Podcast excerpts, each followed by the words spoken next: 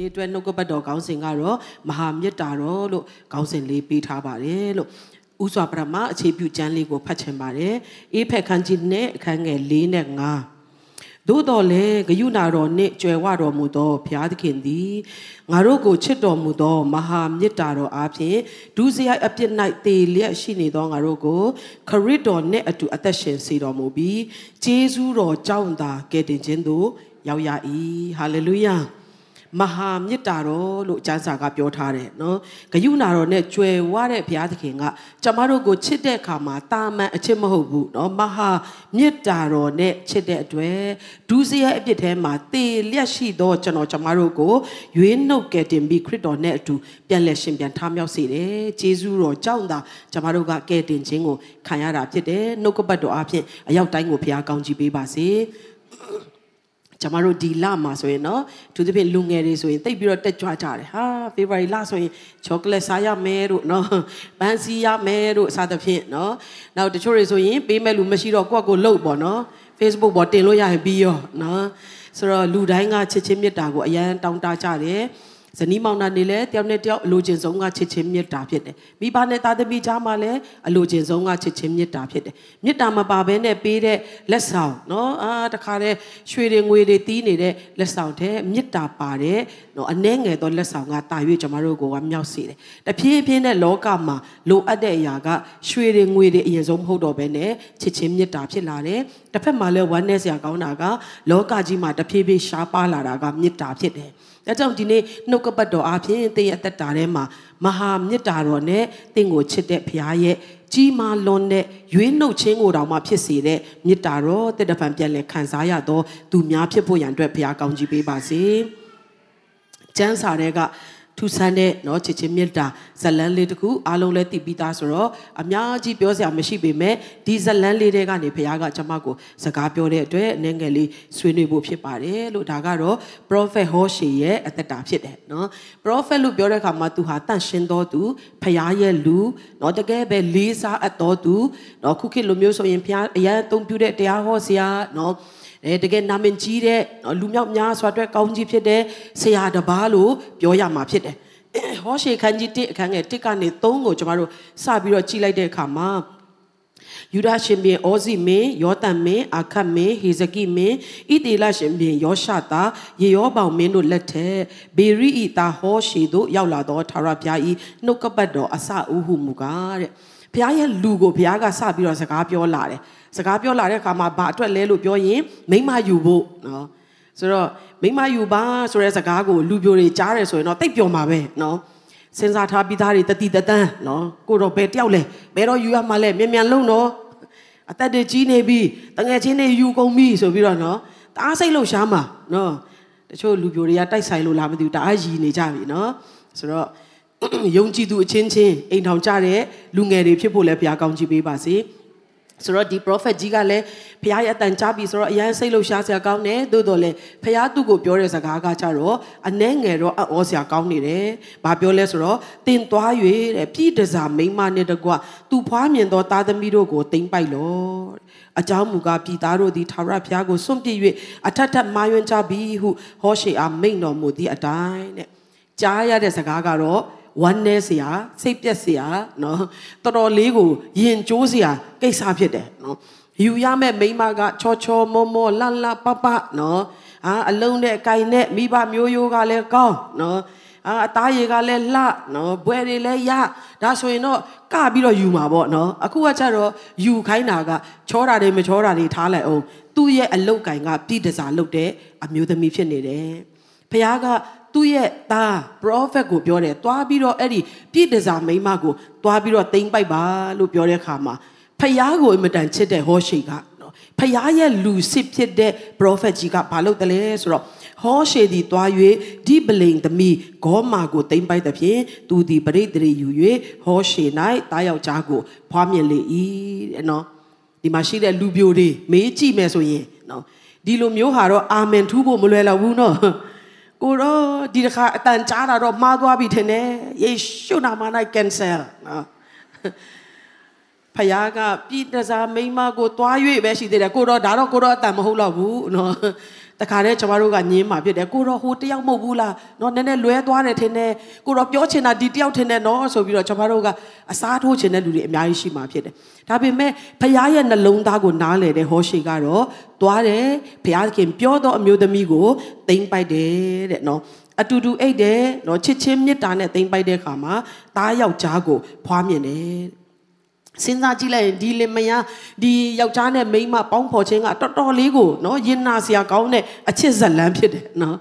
အာဟိုပြစ်တစားမျိုးသမီးကတော့လူတကာကဲ့ရဲ့ခံရတဲ့နှာခေါင်းရှုပ်ခံရတဲ့အမျိုးသမီးကနေ prophet ကြော်ဖြစ်သွားတယ်ဆိုတော့တော်တော်လေးမိုက်တာပေါ့နော်သူ့အတွက်တော့ဟာဒီတခါတော့ share ပဲဖခင်ရဲ့ chance စီတော့နော်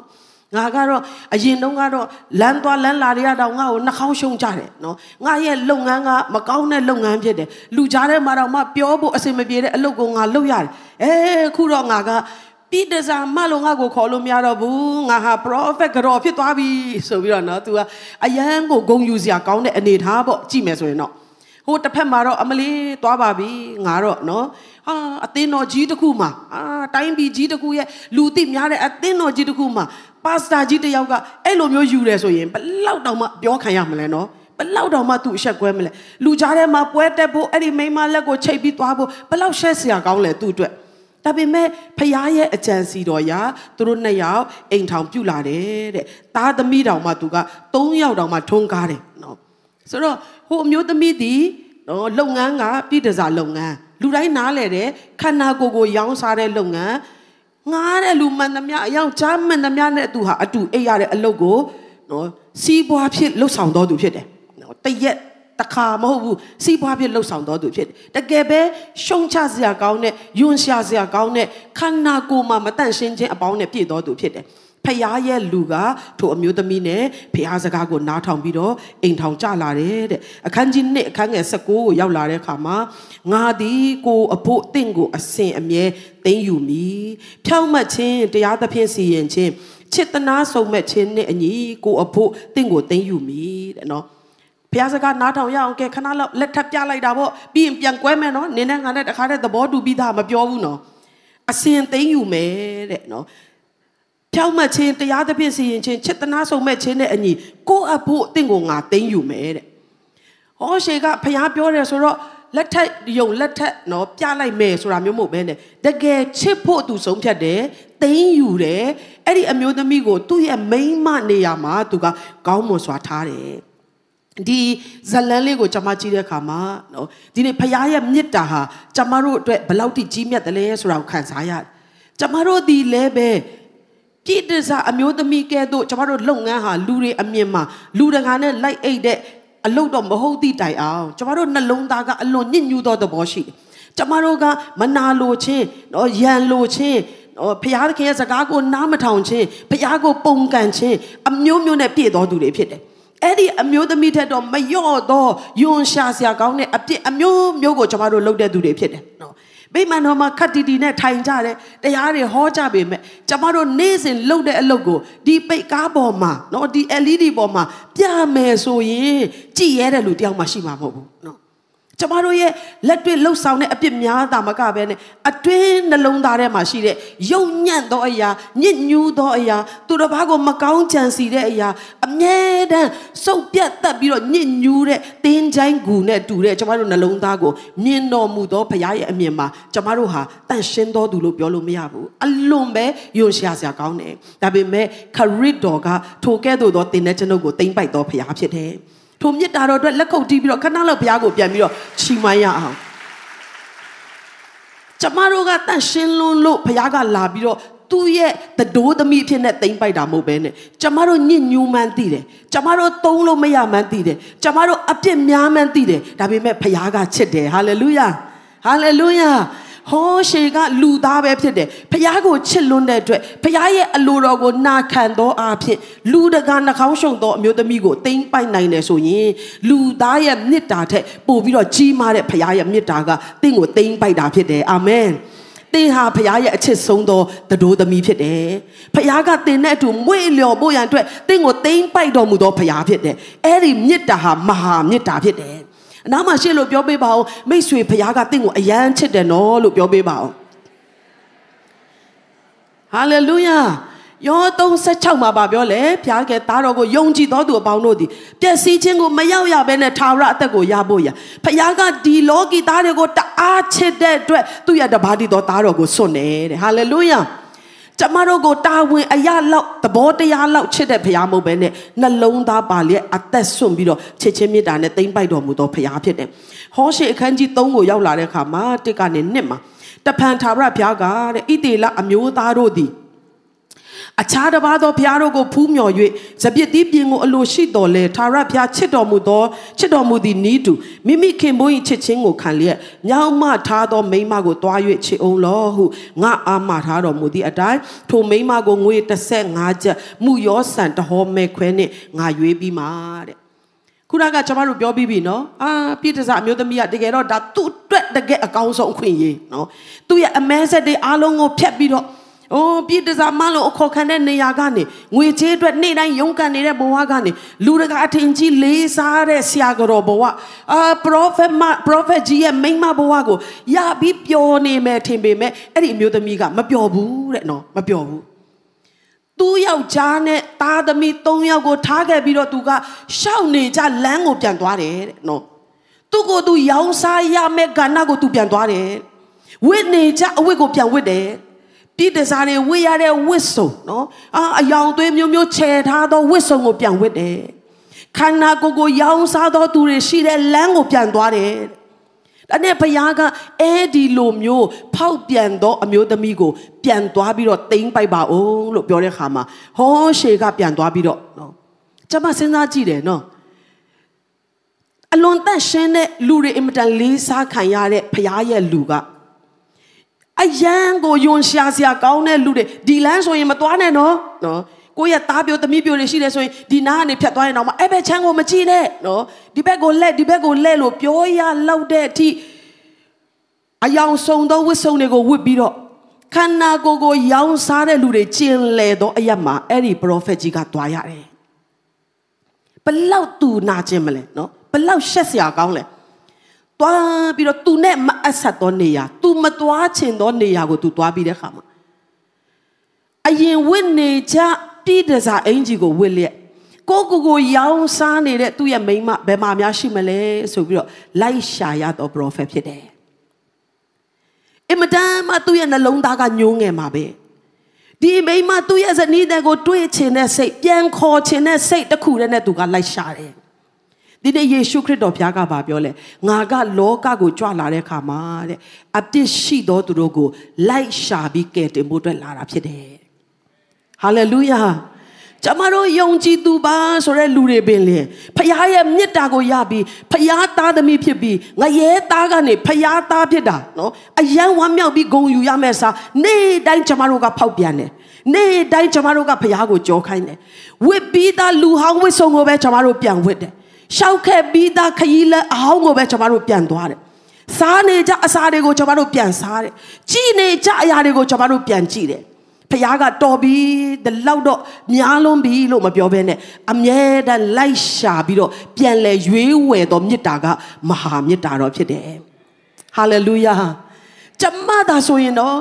အဲ့ဒီ prophet နေရာမှာသာကျမရှိတယ်ဆိုရင် ရှက်စရာကောင်းလိုက်တာနော်ကြီးလိုက်တာနဲ့လူတွေအကုန်လုံးကရောင်စုံနေနဲ့ကာလာစုံနေနဲ့မျက်နှာမှာလည်းအယောင်သွေးစုံလင်းစွာသူတို့ရဲ့တမတ်ချက်ရပြည်တစားဝစ်စုံကိုဝစ်ပြီးတော့လူတွေအများကြီးရှိနေကြမှာပဲစင်ကာပူနိုင်ငံရောက်ဘူးတဲ့လူတွေကနော်ဂေလန်းဆိုရင်ဘာဆိုတာလူတိုင်းသိတယ်နော်အာည10နာရီလောက်မြအဲ့မှာသွားမိလို့ကတော့လာပါလာပါတခါလဲကားမှန်များချထားရင်ကားထဲတွေဝင်ဆွဲတယ်နော်ဆိုတော့ဒီလိုလမ်းဒီလိုရက်ွက်ဆိုရင်အားလုံးကသိပြီးသားကိုနဲ့မဆိုင်ဘူးဆိုရင်အဲ့ဒီလိုမျိုးညဘက်မှာဘယ်သူမှမသွားတော့ သူသွားနေတဲ့အချိန်မှာတချို့မျိုးသမီးတွေကသူ့ကိုခေါ်ကောင်းခေါ်လိုက်မယ်နော်ဘသူကိုလာရှာတာလဲကျမကိုခေါ်ပါကျမကိုခေါ်ပါပြောတဲ့လူလည်းရှိနိုင်တယ်သူအဲ့ဒီနေရာကိုလာရခြင်းအကြောင်းရင်းကတစ်ခုပဲရှိတယ်သူ့ကိုကြောခိုင်းပြီးတော့ဘဝဟောင်းထဲမှာပြန်လဲကျင်လဲနေတဲ့သူ့ရဲ့ဇနီးတဲ့ကိုပြန်ခေါ်ဖို့အတွက်ဖြစ်တယ်ဒီနေ့ကျမတို့ယုံကြည်သူတွေနောက်ဆုံးသောကာလမှာအချိန်ချင်းဖះကိုထားခဲ့မိတယ်ဆိုရင်ဖះနဲ့ပြန်လဲဆုံတွေ့တော်နေ့ဖြစ်စေရအောင် ဖခင်ရဲ့မေတ္တာကိုကြောခိုင်းပြီးကျွန်တော်တို့ဘဝဟောင်းတဲ့ကိုပြန်ပြန်သွားနေတယ်ဆိုရင်ဒီနေ့ဖခင်နဲ့ပြန်လဲပေါင်းဖော်တော်နေဖြစ်စေရအောင်ပြန်တွေ့တဲ့အခါမှာအလကားကောက်ငါငင်ငါငါမိမဆိုပြီးတော့ဆွဲခေါ်လို့မရတဲ့အခါမှာ तू ကဘာလုပ်လဲပြန်ရွေးဝယ်ရတယ်သူ့မိမကိုနော်ပြည်တစားလုပ်နေတဲ့မိန်းမတကယ်ဆိုနော်သားသမီးတွေရှိနေပြီ ကောင်းမွန်တဲ့ဘဝကိုသူရနေပြီကျမတို့ဒီတိုင်းကြည့်ရင်အရန်တော့ဥရတဲ့အဲ့မိမကွာအားလိုက်တာတကယ်တော့သူနာမင်ပြက်နေတဲ့အရာတွေကို cover လုပ်ပေးမယ် prophet ကြောဘဝကိုရောက်နေပြီသားသမီးတွေနဲ့မိသားစုအရန်ပျော်စရာကောင်းနေပြီဒါပေမဲ့သူစိတ်ထဲမှာမကျေနပ်နိုင်ဘူးအလောအောင်ကိုပဲပြန်သွားခြင်းတယ်အရင်ဘဝကိုပဲသူတတ်မှတ်တယ်ဒီနေ့တင်းရဲ့အသက်တာထိုကဲ့သို့ဖြစ်နေတယ်ဆိုရင်မှန်ကန်သောမြတ်တာမှန်ကန်သောပျော်ရွှင်ခြင်းမှာပြန်လာနိုင်သောနေ့ဖြစ်ဖို့ဘုရားကောင်းချီးပေးပါစေ။ လောကကတမတ်တဲ့ဘာနဲ့ညာနဲ့ဘာတဲ့ညာတဲ့တွေမှာနော်ကျမတို့ရဲ့တန်ဖိုးရှိတဲ့ဘဝတွေကျမတို့ရဲ့အသက်တာတွေကိုအချီးနီးလောကသားများကဲ့သို့ပျော်ရွှင်ခြင်းထဲမှာရောင်းစားဖို့မဟုတ်ဘူးကျမတို့ကိုအသက်ပေးပြီးချစ်တဲ့ဘုရားနဲ့ပြန်တွေ့တော်နေဖြစ်စေဖို့လိုတယ်ဟာလေလုယာလောကမှာဘယ်မြစ်တာကမှဖခင်ရဲ့မြစ်တာကိုကြော်လွန်ပြီးတင့်ကိုချစ်နိုင်တဲ့မြစ်တာမရှိပါဘူး ဟာလေလုယာအနာမရှိတဲ့လူပြန်ပြောပေးပါဦးအဆုံးမရှိတဲ့မေတ္တာနဲ့ချစ်တာကဖရားဖြစ်တယ်လို့ပြောရအောင်ဖရားရဲ့မေတ္တာကမဟာမေတ္တာဖြစ်တယ်ဟာလေလုယာ ကြီးမားလွန်းတဲ့မေတ္တာဖြစ်တယ်အဆုံးအစမရှိတဲ့မေတ္တာဖြစ်တယ်တင်းရဲ့အခြေအနေနဲ့မဆိုင်ဘူးတင်းညစ်ညူးတယ်ဆိုတာကိုသိတယ်တင်းမကောင်းဘူးဆိုတာသိတယ်တင်းမတန့်ရှင်းဘူးဆိုတာသိတယ်ဒါပေမဲ့အဲ့ဒါကိုတောင်မှအပြစ်မမြင်နိုင်လောက်အောင်ချစ်နေဆဲကဘုရားရဲ့နှလုံးသားဖြစ်တယ်ဟာလေလုယာလက်ခုပ်တီးပြီးတော့ထိုဘုရားကိုချီးမွမ်းကြရအောင် လူငယ်များနော်ကျမတို့အားလုံးလည်းလူငယ်ဘဝကနေလာတာပါငယ်သောအရွယ်မှာတခါတလေဟာအိမ်ကဂျင်းချက်လွန်းတဲ့မိဘတွေကကင်တွယ်တာမမှန်ဘူးအပြင်မှာပြောစရာကောင်းတယ်အာတငယ်ချင်းတွေကဒီလိုပြောတယ်ဒီလိုလုပ်ရင်ပြောစရာကောင်းမယ်လို့ထင်တယ်အထင်နဲ့ရှောက်မလုပ်ပါနဲ့သင်ကိုအမှန်တကယ်ချစ်နိုင်တော်သူကဖရားပဲဖြစ်တယ်ဟာလေလုယာ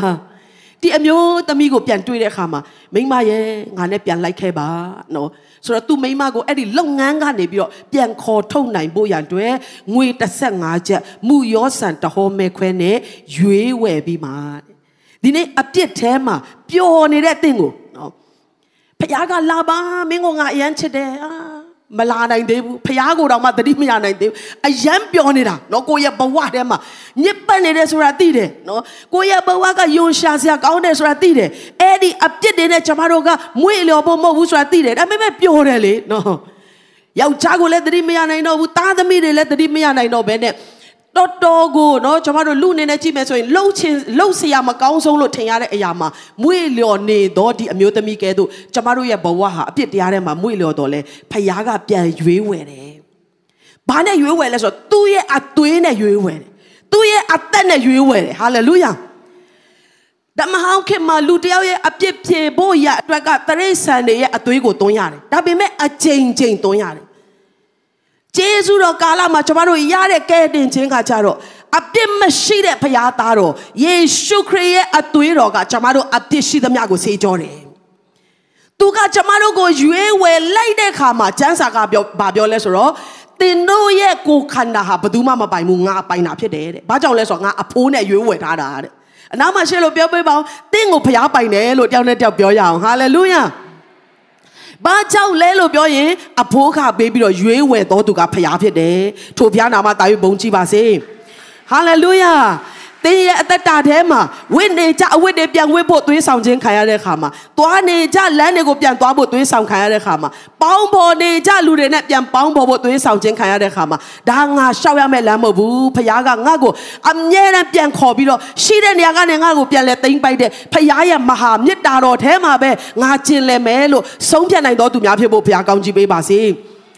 ကျမ်းစာကဘာပြောလဲဆိုယောမခန်းကြီးငါခန်းငယ်ရှေ့အားလုံးအလို့ရမှာပါငါတို့ဒီအပြစ်ရှိစင်ပင်ဟာလေလုယာအားလုံးပြောရအောင်ဘလဘယ်ချိန်မှာလဲအပြစ်ရှိစင်ပင်ခရစ်တော်ဒီငါတို့အတွက်ကြောင့်အသေးခံတော်မူသည်ဖြစ်၍ဖျားသခင်ဒီငါတို့ကိုအဘယ်မျှလောက်ချစ်တော်မူသည်ကိုငါတို့အထင်ရှားစွာပြတယ်တန်ရှင်ပြီးမှဖျားကပွေဖက်တာမဟုတ်ဘူးသူ့ရဲ့စံချိန်ကိုမိတဲ့တင်းရဲ့အစွမ်းတတ္တိတွေကိုပြသနိုင်ပြီးမှဘုရားကတင်းကိုလက်ခံတာမဟုတ်ဘူး တင်အပြစ်ထဲမှာရှိနေစင်မှာလိုက်ရှာပြီးတော့ရအောင်ကယ်တင်တဲ့ဘုရားရဲ့မြတ်တာဖြစ်တယ်ဟာလေလုယာဟာလေလုယာဒီနေ့တချို့သောသူတွေဒီမှာရှိတဲ့သူတွေတော်လကောင်း online ကနေကြည်နေတဲ့သူတွေတော်လကောင်းလူသားဖြစ်တဲ့အတွက်ကျွန်တော်တို့ဟာအကြိမ်ကြိမ်အပြစ်ထဲမှာနစ်မွန်းသောသူတွေဖြစ်တယ်တကယ်တော့ စွန့်ပစ်ခြင်းပေမဲ့မစွန့်လွတ်နိုင်တဲ့အဖြစ်တွေကျမတို့အသက်တာမှာရှိတယ်။ကျမတို့ကိုပြန်ပြန်ဆွဲခေါ်တဲ့လမ်းဟောင်းတွေရှိတယ်။ကျမတို့ပြန်ပြန်ဝင့်မိတဲ့အဝိဟောင်းတွေရှိတယ်။သို့တော်လည်းဖခင်ရဲ့မေတ္တာကထိုအရာအားလုံးထဲကနေကျမတို့ကိုကယ်နှုတ်နိုင်ဖို့အားကြီးသောမေတ္တာဖြစ်တယ်။ထိုဘုရားရဲ့မေတ္တာကိုအသက်တာထဲမှာအသက်တပံနေရပေးနိုင်တော်သူများဖြစ်ဖို့ဘုရားကောင်းချီးပေးပါစေ။ ယောမဩဝါဒစာထဲမှာဘုရားကဗာပြောလဲဆိုတော့ငါရဲ့လူမဟုတ်တဲ့လူတွေကိုငါလူလို့ငါပြန်ခေါ်မယ်တဲ့နော်ငါမချစ်သောသူတို့သမီးကိုလည်းအချစ်လို့ငါပြန်ခေါ်မယ်သင်တို့ဒီငါ၏လူမဟုတ်ဟုပြောဆိုတဲ့အယက်မှာတဲ့အသက်ရှင်တော်မူသောဘုရားသခင်ရဲ့သားတွေလို့ငါပြန်ခေါ်မယ်တဲ့ဘုရားသင်ကိုခေါ်တဲ့အခေါ်ပေါ်ပြောင်းလဲသွားပြီဟာလေလုယာ ဒီဟောရှေကသူ့ရဲ့မိန်းမကိုတွားခေါ်ပြီးတဲ့အခါမှာမင်းကအရန်ဆိုးလို့နဲ့နော်နင်လိုမိန်းမကိုရတာငါအရန်နစ်နာတယ်နော်ဖះပြောလို့တာဗောနင်လိုမိန်းမကိုငါမပေါင်းချင်ဘူးနော်မပြောဘဲနဲ့ကျမ်းစာရနော်ဟောရှေရဲ့ကျမ်း၌လာဒီကားလို့ပြောတယ်နော်ယောမထဲမှာပြန်ပြီးတော့ခုတ်လုတ်ထားတယ်ငါရဲ့လူမဟုတ်တဲ့သူကိုငါရဲ့လူလို့ငါပြန်ခေါ်မယ်တဲ့သင်ဟာဖះရဲ့လူဖြစ်တယ်ဟာလေလုယာဖះရဲ့သိုးတွေဖြစ်တယ်ကျွန်တော်တို့တွေကဟာလေလုယာ ငါရဲ့အချစ်မဟုတ်တဲ့ငါရဲ့ချစ်တော်သူသမီးမဟုတ်တဲ့သူကိုတဲ့အခေါ်ဝေါ်ပြောင်းသွားတယ်နော်ပြန်လာခဲ့စမ်းဟဲ့နော်ဆိုးတဲ့မိန်းမမပြောဘဲနဲ့အချစ်ရေးတဲ့ပြန်လာပါတဲ့နော်ငါအတင်းကိုခေါ်တဲ့အခေါ်ဝေါ်တွေပြောင်းလဲသွားပြီတဲ့နော် အရင်တုန်းကတော့ငါမချစ်တော်သူသမီးဖြစ်ခဲ့တယ်ဒါပေမဲ့ငါအချစ်လို့ပြန်ခေါ်တယ်တဲ့နော်အရင်တုန်းကတော့သင်ဟာယွန်ရှာစရာကောင်းတော်သူဖယားရဲ့လူမဟုတ်တော်သူဖြစ်ပေမဲ့ယခုမှတော့သင်ဟာဖယားသခင်ရဲ့သားလို့ခေါ်ခြင်းခွင့်ကိုရတယ်ထိုဘုရားကိုလက်ခုပ်တီးပြီးတော့ချီးမွမ်းရအောင်ဖယားရဲ့သားလို့သင်ကိုပြန်ခေါ်နိုင်ဖို့ငါချစ်တော်တို့သမီးလို့တင့်ကိုပြန်ခေါ်နိုင်ဖို့ငါရဲ့လူလို့တင့်ကိုပြန်ခေါ်နိုင်ဖို့အဖိုးကအားလုံးကိုဖခင်ကပေးခဲ့တာဖြစ်တယ်ထိုဖခင်ရဲ့နာမတာယူပုံကြည်ပါစေ ကျမတို့လောကမှာအသက်ရှင်စင်မှာအတုအယောင်တွေတိတ်များတယ်စာတန်ကလှည့်စားတတ်တယ်ဒီနေ့စစ်မှန်သောမေတ္တာနဲ့တင့်ကိုချစ်တဲ့ဖခင်ကဗဇက်နဲ့ပဲမဟုတ်ဘူးနော်သူ့ရဲ့အသက်ကိုစွန့်တယ်ကောင်းကင်ဘုံစည်းစိမ်ကိုစွန့်တယ်စွန့်လို့ရတဲ့ဟာတွေအားလုံးစွန့်ပြီးတဲ့ခါမှာအရာအားလုံးနဲ့တင့်ကိုလဲလှယ်ပြီးပြန်လဲရွေးဝယ်သောတိမ့်ပိုက်သောဖခင်ရဲ့မေတ္တာဖြစ်တယ်ထိုမေတ္တာမှာကျင်လည်ပြီးပျော်မွေ့သောယုံကြည်သူတွေဖြစ်ဖို့ဘုရားကောင်းကြီးပေးပါစေ။ အဲ့ဒီအမျိုးသမီးကဟိုးအရင်ဘဝကိုပြန်ပြန်တတိမရပဲနဲ့နော်သူယောက်ျားကိုပြုစုခြင်းသားသမီးတွေကိုပြုစုခြင်းဟာအိမ်ထောင်ထဲမှာထမင်းဟင်းချဲပြီးတော့ပျော်နေမယ်ဆိုဘယ်လောက်ကောင်းလဲဒါပေမဲ့သူကပြန်ပြန်သွားတယ်ဒီနေ့ယုံကြည်သူများရဲ့အသက်တာထဲမှာကျမတို့ကိုဖျားခေါ်တဲ့အတိုင်းထိုက်တန်သောအသက်တာနဲ့အသက်ရှင်ရအောင်ဖခင်ကတော့မှငါလူလို့ခေါ်မှတော့ကျမတို့ဒီဖခင်ရဲ့လူဖြစ်ခြင်း၌မွေ့လျော်တော်သူများဖြစ်ရအောင် ဖခင်ကငါချစ်တော်သူတို့သမီးလို့တင့်ကိုခေါ်တာဖြစ်တဲ့အတွက်တင်းရဲ့အသက်ရှင်မှုပုံစံဒီဖခင်ချစ်တော်သူတို့သမီးအသက်တာ၌ကျင်လည်နိုင်တော်သူဖြစ်ဖို့ဖခင်ကောင်းချီးပေးပါစေကျမ်းစာထဲမှာနာမည်တွေကအတိတ်ပဲရှိတယ်ဆိုတာကျွန်တော်တို့သိပြီးသားဖြစ်တယ်နော်ဥမာယာကုပ်ဆိုရင်လိန်လေတော်သူနော်အာဗြဟံတို့ဆိုလည်းနာမည်ပြောင်းပေးခြင်းခံရတယ်ဆိုတော့ဒီမှာကျွန်မအများကြီးအရန်ကြီးနားလဲတာတော့မဟုတ်ပေမဲ့ဒီမှာအဓိကဇက်ဆောင်တဲ့ယောက်ရဲ့နာမည်ကတိတ်ပြီးတော့ထူးခြားတယ် ဟောရှေဆိုတဲ့နာမည်ရဲ့အတိတ်ပဲကကယ်တင်ခြင်းဖြစ်တယ်တဲ့ salvation ဖြစ်တယ်တဲ့နော်ဟောရှေရဲ့အသက်တာမှာဘုရားကဒီပြည်တစားမကိုလက်ထက်ခိုင်းခြင်းအဖြစ်လောကလူသားတွေကိုဘာကိုပြခြင်းလဲဆိုတော့ဘုရားကဟောရှေကဲ့သို့သောကယ်တင်သောအရှင်ဖြစ်တယ်ဆိုတာကိုပြသခြင်းဖြစ်တယ်ဟာလေလုယာဟာလေလုယာ အဲ့ဒီမှာတစ်ဖက်မှာဘာကိုပြန်တွေ့ရလဲဆိုတော့ဂေါမဆိုတဲ့နော်ဒီသူလက်ထက်ရတဲ့ပြည်တစားမရဲ့နာမည်ကကြတော့ပြည့်စုံခြင်းစုံလင်ခြင်းဖြစ်တယ်တိတ်အောစရာကောင်းတယ်နော်တကယ်တော့ပြည့်တစားမကသူ့နာမည်နဲ့မလိုက်ဘူးလို့တော့ပြောလို့ရတယ်ပြည့်စုံခြင်းစုံလင်ခြင်းဆိုတဲ့ပြည့်တစားမဆိုတခြားစီပဲနော်နာမည်နဲ့ဒါပေမဲ့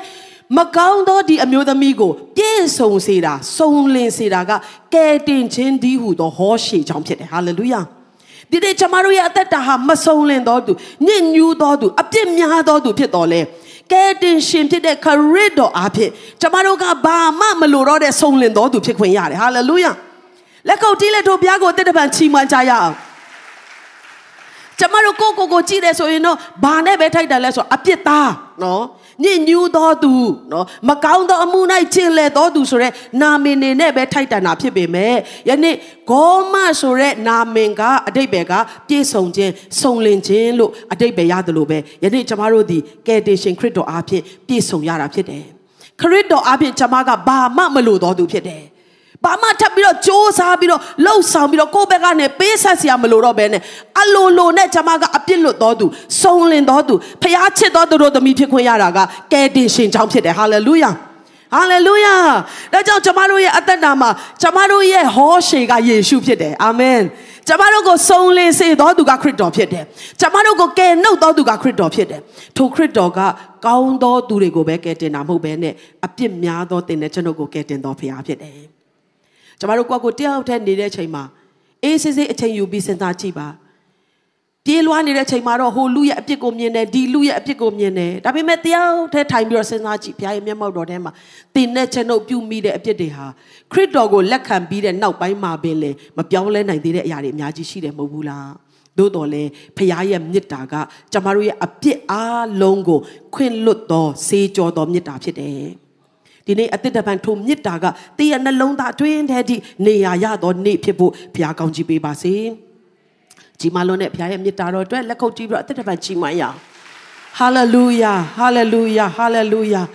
မိဘများကားပင်လေတင်းအပြစ်တစ်ခါကနေနှစ်ခါသုံးခါလေးခါလှုပ်လာပြီဆိုရင်တင်းကိုစွန့်လွတ်တဲ့အချိန်ရှိလာမယ်။လင်မယားတွေတောင်မှကွဲကွာရတဲ့အချိန်တွေရှိတတ်တယ်။ တငယ်ချင်းပေါင်းတင်တွေမကြာခဏစိတ်ခံမတင်ဖြစ်တဲ့အခါမှာအချိန်ချင်းသူတို့ကိုစိတ်နာစေတဲ့အခါမှာပေါင်းလို့မရတော့တဲ့ချိန်ရှိတယ်ဖခင်ရဲ့မေတ္တာကတော့ဘယ်တော့မှတော်ပြီလို့မပြောတဲ့မေတ္တာဖြစ်တယ်ကျမသာဖျားဆိုရင်တော့ကျမလိုလူတယောက်ကိုဒီအချိန်ထိလက်ခံဖို့ဆိုတာဒါခက်ခဲမှာဖြစ်တယ်ဒါပေမဲ့ဖျားကကျမတို့ကိုချစ်တယ်အပြစ်တွေကိုမမြင်နိုင်လောက်အောင်ချစ်တဲ့ဖျားရဲ့မေတ္တာဖြစ်တယ်ထိုမေတ္တာကမင်းကငါချစ်တယ်နော်ဆိုတာတော့မဟုတ်ဘူးနော် မင်းအပြစ်ထဲမှာရှိနေပေမဲ့ငါမင်းကိုချစ်တယ်နော်လို့အဝေးကနေလှမ်းပြောတာမဟုတ်ဘူး။သင်နစ်မွန်းနေတဲ့အဲ့ဒီအပြစ်ထဲကနေသင်ရှိတဲ့နေရာထိလာဆွဲခေါ်ပြီးတော့ကယ်နှုတ်တော့ဖခင်ရဲ့မေတ္တာဖြစ်တယ်။သူ့ရဲ့မေတ္တာကတစုံတစ်ခုကိုလှုပ်ဆောင်စေသောမေတ္တာဖြစ်တယ်။ဟာလေလုယာ။ဟာလေလုယာ ချစ်တယ်ဆိုတဲ့ပါဇက်အပြောမဟုတ်ဘူးသင်လွတ်မြောက်ဖို့ရန်အတွက်သင်ချမ်းမာဖို့ရန်အတွက်သင်အပြစ်နွန်တဲ့ကနေယုံထွက်လာနိုင်ဖို့ရန်အတွက်သင်အပြစ်တွေကိုဆေးကြောဖို့ရန်အတွက်ကြီးမားလွန်းတဲ့သူ့ရဲ့မဟာမြတ်တာတော်ကအလောက်တစ်ခုခုကိုလှုပ်ဆောင်တဲ့အထိတွန်းအားပေးလာတာဖြစ်တယ်ဟာလေလုယာ မင်းငါစီကိုစ조사ပြီးလာခဲ့ငါနားလောက်ထိရောက်လာတယ်ဆိုတော့ငါမင်းကိုပွေ့ဖက်မယ်တိမ့်ပိုက်မယ်မပြောဘဲနဲ့ကျမတို့ရှိတဲ့နေရာထိကြွလာပြီးတော့အဲ့ဒီအပြစ်ထဲမှာနစ်မွနေတော့ကျွန်တော်ကျမတို့လွတ်မြောက်နိုင်ဖို့ရတဲ့လက်ဝါးကားတိုင်းပေါ်မှာအသေးခံတော့ထိုဖရားရဲ့မြတ်တာကကြီးမားလှပါတယ်ဟာလေလုယာဟာလေလုယာလူမျိုးမရွေဘာသာမရွေလူသားတိုင်းကိုချစ်တဲ့ဘုရားရဲ့မြတ်တာဖြစ်တယ်။သင်အတွက်အသေးခံသောဘုရားရဲ့မြတ်တာဖြစ်တယ်။ဟာလေလုယာဒီနေ့လောကမှာသင်တယောက်တည်းပဲရှိပြီးတော့ သင်ကဖះကိုတတိမရတော့ဘဲနဲ့ခုနကပြည့်တစားမကဲတော့သားသမီးလည်းတတိမရတော့ဘူးယောက်ျားလည်းတတိမရတော့ဘဲနဲ့အပြစ်တရားထဲမှာနှစ်မွန်းနေစင်မှာတလောကလုံးမှာသင်တယောက်တည်းရှိရင်လေသင်အတွက်ကြွလာအောင်မဲ့ဖះဟာလေလုယာသင်အတွက်အသေးခံအောင်မဲ့ဖះဖြစ်တယ်ဒါကြောင့်ယေရှုရဲ့မြတ်တာကယ်တင်ခြင်းအမှုဟာတခြားသူတွေမဟုတ်ဘူးသင်အတွက်ဖြစ်ပါတယ်ဟာလေလုယာအနာမရှိလို့ပြောပါအောင်ဖះကသင်ကိုချစ်တာဖြစ်တယ်လို့ပြောရအောင် ကျမတို့အားလုံးကိုချစ်တာမှန်တယ်ဒါပေမဲ့ထိုဖရားရဲ့မေတ္တာဟာငါအတွက်ဖြစ်တယ်လို့နားလည်တဲ့နေ့ဟာထူးခြားသောပြောင်းလဲခြင်းနဲ့အစပြုသောနေ့ဖြစ်တယ်ဟာလေလုယာဒီနေ့ကျမရဲ့နှလုံးသားထဲမှာတောက်လောင်နေတဲ့အရာတစ်ခုကဘာလဲဆိုတော့အခုကာလနောက်ဆုံးသောကာလဖြစ်တဲ့ခါမှာစာတန်ကနော်ချစ်ချင်းမေတ္တာဖြစ်တဲ့ဖရားနော်ဖရားနဲ့ကျမတို့ဝေးကွာဖို့ထိုမေတ္တာကနေစီးဆင်းလာတဲ့လူလူချင်းချစ်တဲ့မေတ္တာတွေ ခန်းချောက်သွားအောင်အထူးသဖြင့်လှုပ်ဆောင်နေတဲ့ကာလဖြစ်တယ်ဆိုတာဘုရားကကျွန်မကိုနားလည်စေတယ်။ဒါကြောင့်အထူးသတိပြုရအောင်။ကျမ်းစာကဘာပြောလဲဆိုတော့ဗျာဒိတ်ကျမ်းထဲမှာနော်မနေ့ကဆက်ဒေါမနစ်တင်တဲ့ထဲမှာလည်းပါသွားတယ်။ဗျာဒိတ်ခန်းကြီး7နှစ်ထဲမှာစာရန်ကသူ့အချိန်နည်းနည်းပဲကြံတော့တယ်ဆိုတာသိတဲ့တွေ့တဲ့တော့အာကျိုးမှန်တဲ့သူကလှုပ်လို့ရတဲ့ဂိတ်ဆုံးသူလှုပ်နေတယ်။စာရန်လောကမှာအကြီးမားဆုံးအလုံးလုံးတဲ့ထဲမှာ အင်မတန်မှကြီးမားတဲ့သူ့ရဲ့လှုပ်ဆောင်ချက်တစ်ခုကဘာလဲဆိုတော့မေတ္တာတရားတွေခေါင်းပါဖို့ရန်အတွက်သူလှုပ်ဆောင်တယ်။ဖခင်ရဲ့မေတ္တာနဲ့ကျမတို့ကိုဝေးကွာစေတယ်။လူလူချင်းတယောက်နဲ့တယောက်မိဘနဲ့သားသမီးချစ်ကိုချစ်ရမယ့်သူတွေဖြစ်ပေမဲ့အဲ့ဒီမေတ္တာတွေကိုသူကဆွဲထုတ်သွားတယ်နော်။ဝတ်ထားတယ်ဖယ်ရှားတယ်ကျမတို့ထဲကနေ။ဒါကြောင့်ဒီအရာအော်တယောက်နဲ့တယောက်မချစ်နိုင်တာတာမန်ပါပဲလူတွေပဲဘယ်ချစ်နိုင်မလဲမဟုတ်ပဲနဲ့နော်။ဖခင်သခင်ဟာချစ်ချင်းမေတ္တာဖြစ်တယ်ဟာလေလုယာ။ ထိုဖရားနဲ့ကျမတို့ကိုဘယ်အရာကမှမကင်းကွာစေနိုင်ဘူးကျမ်းစာကဘာပြောလဲဖရားရဲ့မေတ္တာနဲ့ငါတို့ကိုဘယ်အရာကမှမကင်းကွာစေနိုင်ဘူးဟာလေလုယာစိတ်ပြည့်စရာအကောင်းဆုံးချိန်မှာလဲကျမတို့ဒီဖရားရဲ့မေတ္တာနဲ့မွေ့လျော်တော်သူတွေဖြစ်တယ်ဝမ်းနည်းစရာအကောင်းဆုံးချိန်မှာလဲဖရားရဲ့မေတ္တာနဲ့ကျမတို့ကမကင်းကွာတော်သူတွေဖြစ်တယ်ဟာလေလုယာအနာမရှိလို့ပြောပါအောင်ဖခင်ရဲ့မေတ္တာနဲ့ဘယ်တော့မှမကွာနဲ့လို့ပြောရအောင်စိတ်ပြတ်တယ်ကွာဖျားချောင်းမသွားတော့ဘူးနော် ဟာစိတ်ညစ်စရာအများများတယ်ကွာဆူမတောင်းတော့ဘူးတဖြည်းဖြည်းနဲ့စာတန်ရဲ့ရည်ရွယ်ချက်ကဘာလဲဆိုတော့ကျမတို့ဆင်းရဲဖို့ကျမတို့အလုတ်ပြုတ်ဖို့ကျမတို့အနာရောဂါတွေခံစားဖို့နံပါတ်1မဟုတ်ဘူးဖခင်ရဲ့မေတ္တာနဲ့ကျမတို့ကိုကင်းကွာစေဖို့ကစာတန်စ조사ပြီးလုပ်နေတဲ့အရာဖြစ်တယ်စာတန်ထက်တော့လေရအောင်လို့အနားမှာရှိရလို့ပြောပေးဦးနော်တစ်ချက်လောက်စိတ်ပြက်လေလေဖခင်ရဲ့မေတ္တာတွေကိုတိုးဝင်လေလေဟာလေလုယာ အချင်းတွေကြက်တဲလေလေဖခင်ရဲ့မေတ္တာတော်ကိုကျွန်တော်တို့ပွေဖက်လေလေပြတ်သားဆိုပြောရအောင်ဆင်းရဲခြင်းနဲ့ခက်ခဲခြင်းနဲ့ဒုက္ခတွေလာရင်လေဖခင်ရဲ့မေတ္တာနဲ့ငါတို့ကိုအဘယ်အရာကမှမကွာစေနိုင်ဘူးမကွာစေယုံတာမကထောအမှုခသိန်းတို့ကိုခံစင်တွင်ပြီးကျွန်တော်တို့ကဖခင်နဲ့တာ၍ညီတော်သူတွေဖြစ်ကြတယ်လက်ခုပ်တီးပြီးတော့ဘုရားကိုချီးမြှောက်ကြရအောင်ဟာလေလုယာစာဒန်ရဲ့လက်ကွက်ကလောကကြီးထဲမှာ ဖယားနဲ့ထပ်တူကြတဲ့ထိုမေတ္တာတရားကိုကျွန်တော်တို့ထဲကနေဖယ်ထုတ်ချင်တာဖြစ်တယ်။ဒါကြောင့်နောက်ဆုံးသောကာလမှာတဲ့တားဖားတွေတရားရုံးမှာအမှုရင်ဆိုင်ကြမယ်တဲ့တယောက်ကိုတယောက်နော်တရားတွေဆွဲကြမယ်တနိုင်ငံနဲ့တနိုင်ငံစစ်တွေဖြစ်ကြမယ်စဉ်းစားကြည့်တင်းရဲ့ပတ်ဝန်းကျင်မှာတင်းရဲ့အိမ်ထောင်မှာမေတ္တာတရားတွေခေါင်းပါနေပြီဆိုရင်ဒါကဖြစ်နေကြပဲလို့မထားဘဲနဲ့စာတန်ကိုကျွန်တော်တို့မောင်းထုတ်ရမယ်ဟာလေလုယာ ငါတို့ဒီဖရားသားသမီးများဖြစ်ကြတယ်ငါတို့ဒီမေတ္တာဖြစ်တဲ့ဖရားကိုအပိုင်ရတော်သူတွေဖြစ်တဲ့အတွက်ငါတို့အแทမှာဖရားရဲ့မေတ္တာကအလုံးလုံးနေတယ်ဆိုတာယုံကြည်ဝင်ခံနိုင်သောမိသားစုများဖြစ်ဖို့ဖရားကောင်းချီးပေးပါစေဟာလေလုယာဟာလေလုယာမေတ္တာတရားဒီဒီလောကမှာပြန်လဲပြီးတော့ရှင်သန်ဖို့ကျွန်မတို့အားလုံးရဲ့တာဝန်ဖြစ်တယ်ဒီလိုကာလမျိုးမှာဖရားကနားလည်နိုင်ဖို့အရောက်တိုင်းကိုကောင်းချီးပေးပါစေတင်နဲ့ဖရားရဲ့မေတ္တာကိုဝေးကွာစေတဲ့အရာတစ်စုံတစ်ခုရှိလာပြီဆိုရင်ချက်ချင်း။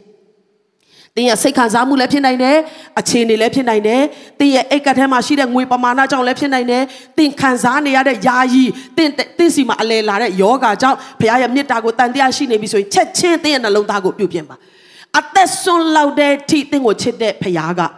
တင်းအတွက်အဆိုးဘယ်တော့မှမကြံစီဘူး။တင်းကိုဘယ်တော့မှပျက်စီးခြင်းတဲ့ကိုရောက်သွားအောင်လွတ်ချလိုက်မဲ့ဘုရားမဟုတ်ဘူး။ သူရဲ့မေတ္တာကိုသင်တကယ်နားလဲတယ်ဆိုရင်တန်တရားမရှိပါနဲ့မကြောက်ပါနဲ့မဆိုးရိမ်ပါနဲ့ထိုဘုရားကသင်ကိုတာဝန်ယူတော်ဘုရားဖြစ်တယ်သင်ကသူ့ကိုမသိခင်အပြစ်ထဲမှာနစ်မွနေစင်မှာပဲလေသင်ကိုအယမ်းချစ်လို့အသေးခံဖို့ကြွလာတဲ့ဘုရားကဘယ်တော့မှသင်ကိုပျက်စီးစေမှာမဟုတ်ဘူးဒါကြောင့်ကြုံရတဲ့ခဏတာဒုက္ခဆင်းရဲခြင်းလိုင်းလုံးရှိလာရင်လေဖခင်ရဲ့မေတ္တာနဲ့ထိုလိုင်းလုံးကသင်ကိုမကင်းကွာစေဖို့ရအတွက်အထူးသတိပြုရအောင်ဟာလေလုယာ ဒုက္ခဆင်းရဲခြင်းကခဏပဲလာတယ်ဖခင်ရဲ့မေတ္တာကတော့အစဉ်မြဲတည်တယ်ပြဿနာတွေဟာတစ်ချိန်မှအရေးပြောသွားမှာဖြစ်တယ်ဖခင်ရဲ့မေတ္တာကတော့အစဉ်မြဲတည်တယ်လောကရဲ့ခက်ခဲခြင်းတွေကတော့ခဏတာလာနိုင်တယ်ဒါပေမဲ့ဖခင်ရဲ့မေတ္တာကအမြဲတမ်းအသက်ရှင်ပြီးတော့ကြီးထွားပြီးအလုံးလုံးလက်ရှိတယ်ထိုကြီးမားတဲ့မေတ္တာဖျားခင်ကိုတော်တိုင်ကမေတ္တာဖြစ်တဲ့ခါမှာလောကမိဘတွေတောင်မှတဲ့သားသမီးတွေကိုအကောင်းဆုံးပေးခြင်းတယ်မဟုတ်ဘူးလား ပိုက်စားတယ်မှုတ်ကျွေးပါလို့ပြောရင်ရော့ကြောက်ခဲကြိုက်ပါလို့ပြောမယ်ဖခင်ရှိသလားတဲ့ဖခင်ကတင့်ကိုထိုးထက်မကတာ၍ချစ်တာဖြစ်တယ်အာမင်အဲကြောင့်ယောဟန်ခန်းကြီး15အခန်းငယ်6လောက်မှာကြည့်မယ်ဆိုရင်ခမည်းတော်ဒီငါ့ကိုချစ်တော်မူတကယ်တော့ငါဒီတင်တို့ကိုချစ်တယ်တဲ့ငါဤချစ်ခြင်းမေတ္တာ၌တည်နေကြလောဟာလေလုယာဟာလေလုယာကျမတို့တည်နေရမှာက ဖခင်ရဲ့မေတ္တာမှာဖြစ်တယ်။ယေရှုကဘယ်လောက်ထိအာမခံလဲဆိုတော့ခမည်းတော်ကငါ့ကိုချစ်တဲ့ကဲ့သို့ငါတင်တို့ကိုချစ်တယ်။နည်းနည်းမှမရောတဲ့မေတ္တာနဲ့မင်းတို့ကိုငါချစ်တယ်။အဲ့ဒါကမဟာမေတ္တာတော်ဖြစ်တယ်။ငါဒီငါခမည်းတော်ဤပညတ်တော်တို့ကိုစောင့်ရှောက်၍ခမည်းတော်ဤမေတ္တာ၌တည်နေတဲ့ကဲ့သို့တင်တို့ဒီငါပညတ်တို့ကိုစောင့်ရှောက်လျင်ငါမေတ္တာ၌တည်နေကြလိမ့်မည်။တင်တို့၌ငါဝမ်းမြောက်စရာကြောင့်ဆုံးလင်းစေခြင်းကတည်နေစေခြင်းကတင်တို့ဝမ်းမြောက်စရာကြောင့်ဆုံးလင်းစေခြင်းက၎င်းဤစကားကိုတင်တို့ကငါဟောပြော၏။ ငါပိညတ်ဟုမူကားငါသည်သင်တို့ကိုချစ်သည်နည်းတူသင်တို့သည်အချင်းချင်းချစ်ကြလော့ဒါကိုသိတဲ့စာတန်ကနောက်ဆုံးသောကာလမှာသူ့အချိန်နည်းနည်းပဲကြံနေဆိုတာကိုသိတဲ့အတွက်လောကကြီးတဲ့ကနေမေတ္တာတရားဆိုတဲ့အရာကို तू ကဆွဲထုတ်နိုင်တယ်လို့ဆွဲထုတ်ဖို့ပပျောက်စေနိုင်တယ်လို့ပပျောက်စေဖို့ကြိုးစားလဲရှိတယ်ဒါပေမဲ့ဖျားသားသမီးကျွန်တော်ကျမတို့ဒီယေရှုကဘာပြောလဲငါ့ကိုချစ်တယ်ဆိုရင်ငါပညာကိုစောင့်ရှောက်ပါတဲ့ ငါပညာကဘာလဲဆိုတော့သင်တို့အချင်းချင်းချစ်ကြပါဟာလေလုယာအိမ်ထောင်မိသားစုတွေမှာချစ်ချင်းမေတ္တာအတိတ်တပံပြန်လဲတက်ဝင်လှုပ်ရှားဖို့ဘုရားကောင်းချီးပေးပါစေဇနီးမောင်နှံတွေကြားထဲမှာ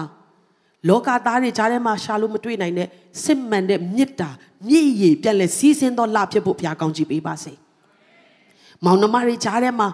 တစုံတစ်ခုကြောင့်တယောက်နဲ့တယောက်စကားမပြောနိုင်တော့အောင်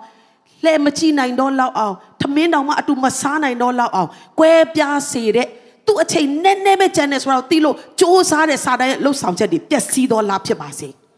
ဟာလေလုယာဟာလေလုယာဟာလေလုယာဖယားသခင်ဒီချစ်ချင်းမေတ္တာဖြစ်တယ်ထိုမေတ္တာဒီကျမတို့အထဲမှာစီစဉ်လျက်ရှိတယ်ဖယားကပြောတယ်ငါကမင်းတို့ကိုကျွန်နေနဲ့နော်မင်းတို့ကငါမဆက်ဆံဘူးတဲ့အဆွေခင်မွန်းနေနဲ့ငါဆက်ဆံတယ်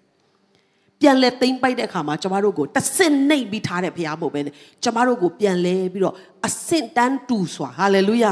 သူ့ရဲ့ရင်ခွင်မှာပွေဖက်တဲ့ဘုရားရဲ့မြတ်တာဖြစ်တယ်ယေရမိခန်းကြီး31အငယ်3မှာထာဝရဘုရားကတဲ့အဝေးကနေထင်ရှားပြီးမိန့်တော်မူသည်ကအကယ်စင်စစ်ထာဝရမြတ်တာနဲ့တင့်ကိုငါချစ်တယ်ထို့ကြောင့်ဂယုဏကျေးဇူးကိုတင်၌ကြာမြင့်စွာပြပြီ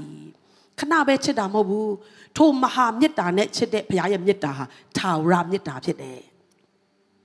အခြေအနေရပြောင်းလဲတဲ့မေတ္တာမဟုတ်ဘူးထာဝရမေတ္တာဖြစ်တယ်။နားမှာရှင်းလို့ပြောရင်ဘုရားရဲ့မေတ္တာထာဝရမေတ္တာဖြစ်တယ်။ယုံကြည်သူဖြစ်ပြီးပေမဲ့ခဏခဏဖောက်ပြန်တဲ့တင်တဲ့ကျွန်ုပ်ကိုကြာမြင့်စွာဂယုဏပြတော်မူသောဘုရားဖြစ်တယ်။ကျွန်မဆိုရင်ဘုရားကိုခဏခဏစိတ်နာစေတော်သူဖြစ်တယ်။ဘုရားမကြိုက်ဘူးဆိုတာတည်တည်ကြီးနဲ့ခဏခဏပြစ်မှားမိတော်သူဖြစ်တယ်။ဒါပေမဲ့ဘုရားရဲ့မေတ္တာကကျွန်မရဲ့အပြစ်ထက်ပိုပြီးတော့ကြီးမားတယ်။ ဟာလေလုယာဘယ်တော့မှလက်မလွတ်ဘူးကျမတို့ကတော်ပြီးကိုရောဆိုပြီးကြောခိုင်းရင်တော့မှ तू ကလိုက်ရှာသေးတယ်အဲ့ဒီမေတ္တာတော်ကလူတချို့အတွက်ပဲမဟုတ်ဘူးတင့်အတွက်ဖြစ်တယ်မိတ်ဆွေ